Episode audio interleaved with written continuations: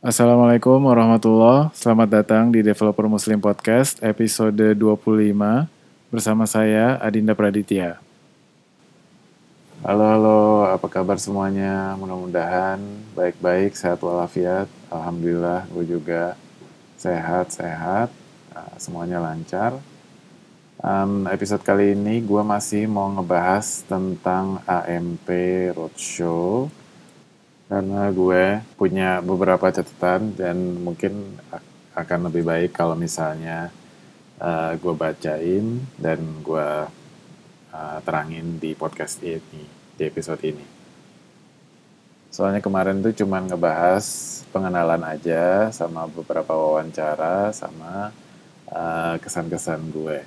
Sekarang uh, episode kali ini gue pengen coba untuk uh, menggali lebih dalam mengenai uh, AMP Roadshow kemarin. Selain itu, gue juga mikirnya karena um, AMP ini uh, teknologi yang lumayan penting untuk diimplementasikan di banyak website. Dan pertumbuhan website-website yang mengadopsi AMP ini juga melonjak karena keuntungan-keuntungan yang nanti mungkin gue singgung juga. Terus, jadi kalau misalnya lo dengerin ini dan lo cuma lewat aja kayaknya sayang gitu. Jadi gue pengen menekankan gimana pentingnya um, AMP Roadshow ini. Oke langsung aja kita mulai. Jadi setelah um, para pembicara ini mengenalkan AMP itu apa buat menyamakan persepsi gitu buat yang belum tahu. Terus pembicaranya Paul Bakaus uh, Google Advocate untuk AMP Project langsung ngejelasin tentang um, apa kisah-kisah sukses gitu dari perusahaan-perusahaan yang besar. Um, gimana misalnya uh, Wigo uh, naik 49% dari search to conversion rate-nya. Kemudian um, e-commerce e-commerce yang lain seperti AliExpress, Fast Commerce Greenwiz itu juga mengalami pengalaman yang uh, serupa gitu mereka cukup senang dengan AMP setelah implementasi. Terus dari sektor advertiser ada Triple Lift sama Plista yang um, kalau misalnya Plista itu dia meningkatkan publisher revenue dengan AMP Terus um, kalau Triple Lift itu dibantu sama Cloudflare juga, mereka berhasil uh, mendongkrak Time Inc.'s revenue dengan AMP Ads. Nanti gue kasih linknya di catatan episode uh, kali ini. Oh ya, gue nggak nyebutin sektor publisher karena itu adalah uh, sektor yang paling obvious gitu ya, karena per, uh, pada asalnya seperti yang udah gue bilang sebelumnya um, AMP itu target awalnya itu uh, untuk publisher. Jadi mereka udah lebih dulu mengimplementasi sama udah melihat duluan itunya apa keuntungannya. Nah dari kisah-kisah sukses ini tim M juga mikir gitu ya um, apa langkah selanjutnya gitu. Terus mereka mikir um, ini kan cuma sekedar HTML biasa gitu. Kenapa nggak kita uh, ngembangin ke interaksi user gitu? Karena buat apa uh, kalau halamannya sekedar loading cepet tapi user nggak bisa ngapa-ngapain di situ gitu loh, stuck di situ aja gitu. Jadi nggak bisa ngasih rating atau nggak bisa kasih komentar atau misalnya nggak bisa uh, beli barang gitu. Cuman uh, jadi landing page aja. Jadi um, tim AMP juga mau, mau melanjutkan mengembangkan uh, AMP ini nggak hanya sekedar untuk uh, loading yang cepat di konten. Oleh karena itu, gue ngerasa juga uh, mungkin ini salah satu objektif uh, Google ngadain AMP Roadshow karena selain nyebarin kisah-kisah sukses, um, mereka juga pengen ngasih tahu kalau AMP itu nggak sekedar um, apa loading halaman yang cepat tapi juga ada interaksinya bisa buat e-commerce bisa naro iklan di sana dan lain-lain macam-macam Dan ini juga alasan gue untuk uh, ngebahas AMP Roadshow lebih dalam di episode kali ini. Iya, jadi balik lagi ke masalah interaksi user. Jadi tim AMP ini memperkenalkan ada beberapa solusi untuk interaksi user, terutama misalnya untuk e-commerce atau event-event lainnya untuk uh, melakukan menerima dan merespons interaksi dari user. Um, ini dibahas di sesi uh, Advanced Interactivity with AMP. Jadi ada tag-tag dari AMP yang mendukung interaksi ini, di antaranya AMP, AMP Dash Bind, AMP Mustache, uh, ini masih beta, terus ada AMP List, ada AMP Live List, dan tag-tag lainnya. Dokumentasi dari tag-tag ini ada di ampproject.org, tapi uh, mereka uh, tim AMP ini bikin situs khusus namanya ampbyexample.com. Uh, di situ benar-benar um, dedikasi khusus untuk uh, learn AMP by example. Jadi banyak hands-on introduction, ya, Eh, pengenalan-pengenalan mengenai AMP, um, mulai dari Hello World-nya, terus komponen-komponennya, uh, kode snippet atau demonya. Terus ada juga uh, AMP for Ads, sama ada playground-nya di situ buat nyoba-nyoba. Jadi benar-benar dedikasi dari tim AMP untuk uh, orang untuk belajar dan nyobain semua tag yang ada di sana. Benar-benar sangat menarik. Setelah ngebahas uh, interaksi user, sesi berikutnya adalah gimana ngejalanin AMP di production. Jadi ada tips-tips uh, gimana jalanin AMP di production. Kalau tadi kan sekedar nyoba-nyoba, dan ini sekarang ngebahas gimana kalau ngejalanin AMP uh, production dari nol sampai ke production, distribusi uh, kodenya, distribusi aplikasinya. Jadi yang pertama itu generate, terus yang kedua optimize, yang ketiga validate, yang keempat measure, dan yang kelima distribute. Jadi bahas yang pertama generate. Dari generate itu bisa statis atau uh, bikin sendiri secara manual bisa juga dari CMS yang udah uh, banyak diadopsi baik orang-orang yaitu uh, WordPress atau Drupal. Terus yang kedua optimize. Um, jadi kita cuman mengimport uh, AMP JavaScript untuk komponen-komponennya saat perlu aja. Jadi kalau halaman itu nggak ada komentar atau misalnya uh, di halaman itu nggak ada uh, sharing, jadi cuma list artikel aja, uh, eh, AMP social share-nya nggak dimasukin di situ. Jadi jadi benar-benar optimal uh, halamannya. Terus juga uh, import CSS hanya yang diperlukan untuk halaman yang ditampilin juga. Uh, sama halnya dengan yang lain. Jadi intinya uh, halaman itu benar-benar optimize. Uh, terus yang ketiga validate Nah, validate ini uh, validatornya ada di situs resminya. Um, terus juga ada library yang bisa uh, meng, me, apa ya, melakukan validasi secara otomatis. Terus um, kalau misalnya ada sebagian halaman yang nggak valid, uh, cache-nya akan kasih uh, error Terus um, jadi kita harus mastiin kalau semua halaman itu uh, valid.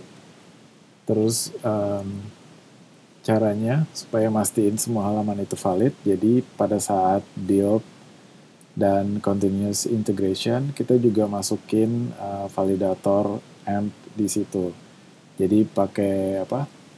Uh, ada namanya AMP HTML strip validator ada di Node.js jadi bisa di command line dan kita bisa atur uh, gimana kita setup uh, continuous integration-nya. Jadi setiap ada halaman yang baru atau kita bikin fitur yang baru, validator ini tetap dijalanin untuk ngejaga um, kalau-kalau ada halaman yang tiba-tiba nggak valid karena kode implementasi kita yang baru itu. Untuk konten yang dibikin sama user, misalnya komentar atau user mau bikin uh, sebuah artikel gitu ya, um, validasi ini bisa dilakukan di cron job. Jadi ada apa di set gitu setiap berjam atau setiap setengah jam. Um, lakukan validasi tadi bisa pakai yang uh, AMP HTML validator di Node.js uh, untuk jalanin um, semua uh, konten-konten uh, yang dibikin sama user di luar maksudnya di luar sistem gitu ya. Terus validasi juga bisa dilakukan di Google Search Console. Uh, terus juga ada web page test. Itu validasinya juga ada di sana. Terus yang keempat, measure. Jadi kita bisa pakai tag AMP Analytics untuk terhubung sama nggak cuma Google Analytics, tapi juga ada uh, situs-situs uh, yang ngumpulin analytics. Um, gue lupa ininya apa, contohnya apa. Terus bisa juga pakai untuk mengukur ini bisa pakai AMP experiment. Ini untuk A/B testing uh, kurang terlalu dibahas secara detail, cuman ini benar-benar uh, menarik dan berpotensi uh, apa ya untuk melakukan A/B testing di uh, situs AMP. Terus yang terakhir, yang kelima, distribute. Ini bisa melalui Google, Bing, uh, Twitter, dan lain-lain. Uh, di sini gue juga kurang nangkep uh, maksudnya apa gitu tapi nanti bisa dilihat di slides-nya nanti gue kasih di uh, apa di catatan di episode ini nanti gue kasih link-linknya sesi berikutnya adalah AMP for fun and profit um, ini membahas mengenai uh, cara monetization di AMP melalui uh, iklan masang iklan jadi di sini jelasin gimana masang iklan di AMP dan gimana uh, mengoptimalkannya dan uh, segala hal yang berkaitan dengan itu. Jadi um, karena terlalu teknis dan nggak ter topiknya nggak terlalu berkaitan sama yang gue suka, jadi gue agak skip dan nggak terlalu banyak ambil uh, catatan di sini. Um, tapi ya lagi-lagi lo bisa lihat uh, slides-nya nanti, gue kasih linknya. Terus sesi berikutnya progressive web apps. Um, di sini uh, ngebahas tentang gimana memadukan progressive web application dengan uh, AMP. Ini juga gue nggak mau ngebahas di episode kali ini karena terlalu teknis dan nggak mungkin gue menjelasin hal yang sangat teknis itu di sebuah uh, podcast gitu. Terus sesi berikutnya adalah uh, tanya jawab dengan panel yang isinya tamu-tamu dari Kompas, Kaskus, Bukalapak, dan Blibli. Gue coba jelasin beberapa uh, tanya jawab dari panelis ini yang gue catat, yang sempat gue catat gitu. Um, mudah-mudahan bermanfaat buat kita. Kalau misalnya ada hal-hal yang kurang tepat, uh, silakan uh, hubungin gue di devmuslim.id atau di Twitter at devmuslimid. Oke, pertanyaan pertama, kapan mulai implementasi AMP? Untuk Kaskus dan Kompas itu mulai diajak sama Google untuk implementasi AMP di awal 2016, berarti lumayan lama juga ya. Kalau Bukalapak uh, itu akhir 2016. Terus beli-beli relatif baru, yaitu uh, dua bulan yang lalu. Pertanyaan selanjutnya, uh, kesulitan nggak implementasi AMP? Uh, kalau Kaskus itu awal-awalnya kesusahan karena komponen-komponennya uh, banyak yang belum siap, namanya juga masih inisiasi gitu ya.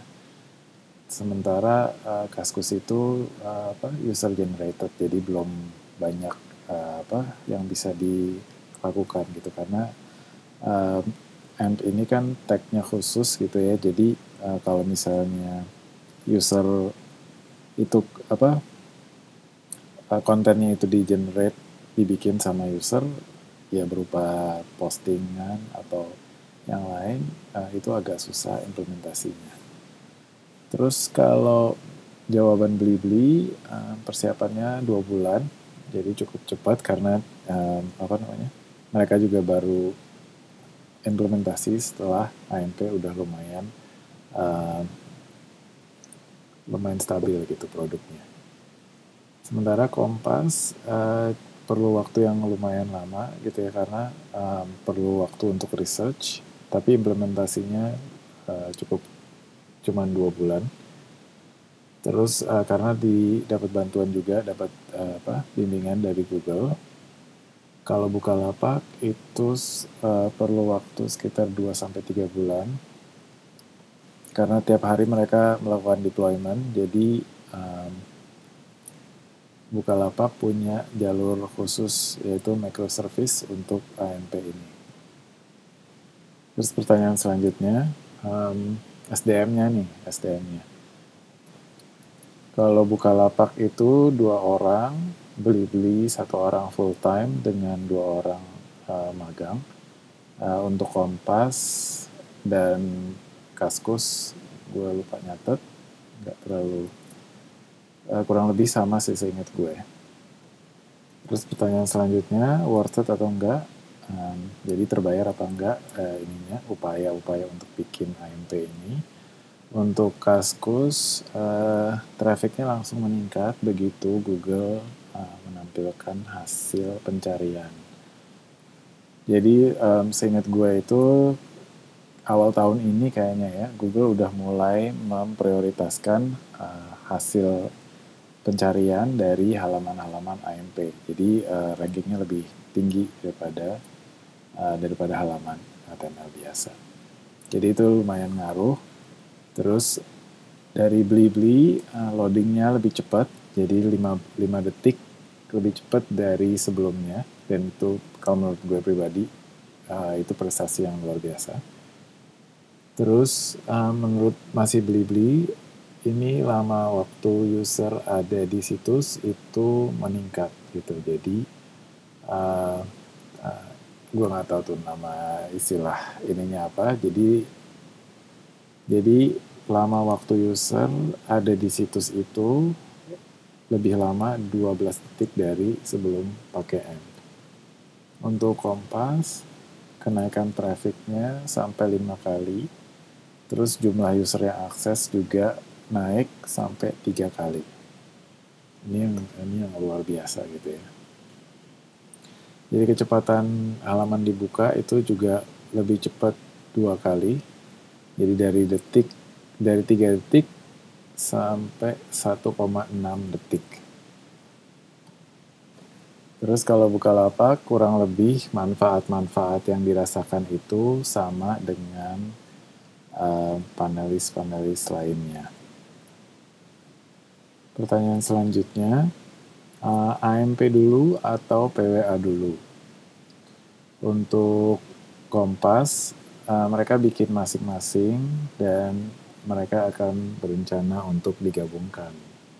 Uh, kalau menurut gue pribadi, uh, karena gue belum lihat uh, PWA-nya, jadi uh, kayaknya PWA-nya nggak di, belum dirilis.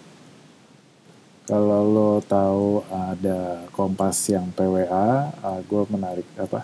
Gue tertarik banget untuk uh, pengen lihat gitu gimana sejauh mana implementasi mereka di uh, PWA.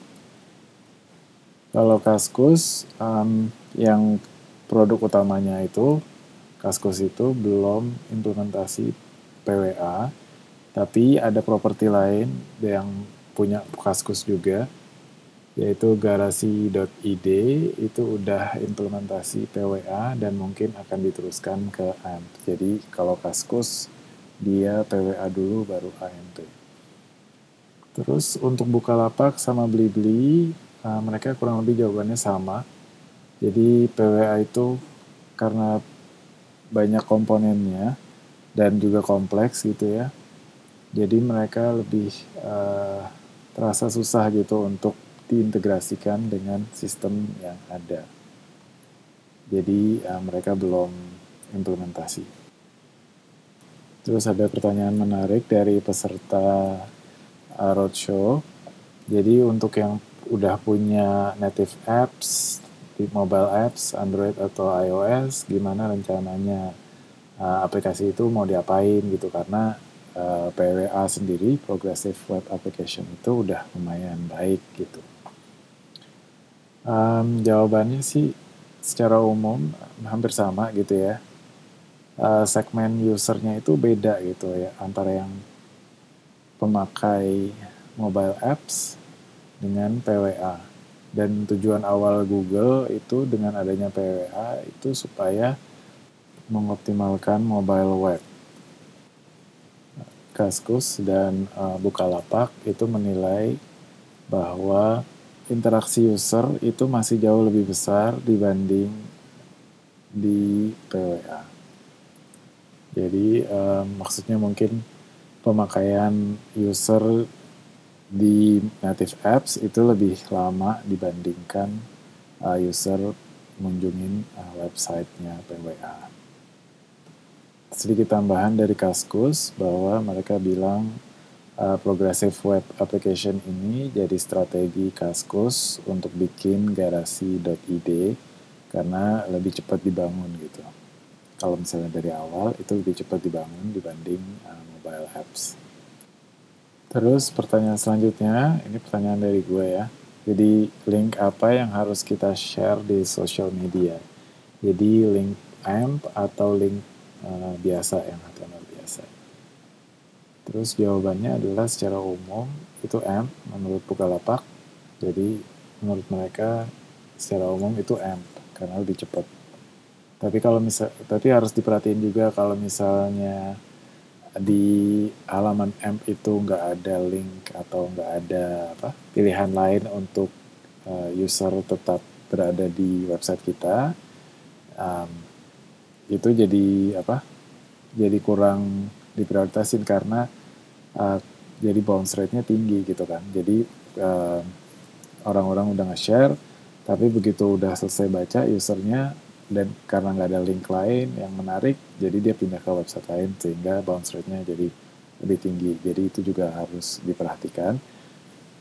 Jadi kalau misalnya di masing-masing versi antara AMP dengan non-AMP yang biasa itu sama-sama punya link dan masih punya pilihan untuk kayak related artikel atau uh, apa artikel yang populer dan lain-lain itu um, mereka lebih memilih untuk nge-share link yang versi AMP dibanding yang lain karena keuntungan AMP jelas lebih banyak daripada website biasa. Oke, itu aja catatan-catatan gue di AMP Roadshow Jakarta. Mudah-mudahan bermanfaat. Gue saranin untuk lihat dan cek situs-situsnya. Um, ada ampstart.com Terus ada ampbyexample.com. Terus situs resminya ampproject.org. Seperti biasa, semua link yang ada di episode 25 ini akan gue masukin di catatan di website devmuslim.id slash episode 25. Pertanyaan, saran, dan tanggapan bisa dikirim ke website devmuslim.id slash kontak atau bisa mention gue di Twitter at devmuslimid. Kalau lo suka sama podcast ini, tolong kasih rating yang bagus di iTunes, Stitcher, atau TuneIn atau di mana pun lo bi lo dapatin uh, podcast gue ini. Gue Adinda Praditya undur diri dulu sampai di episode Developer Muslim berikutnya insya Allah. Assalamualaikum warahmatullahi wabarakatuh.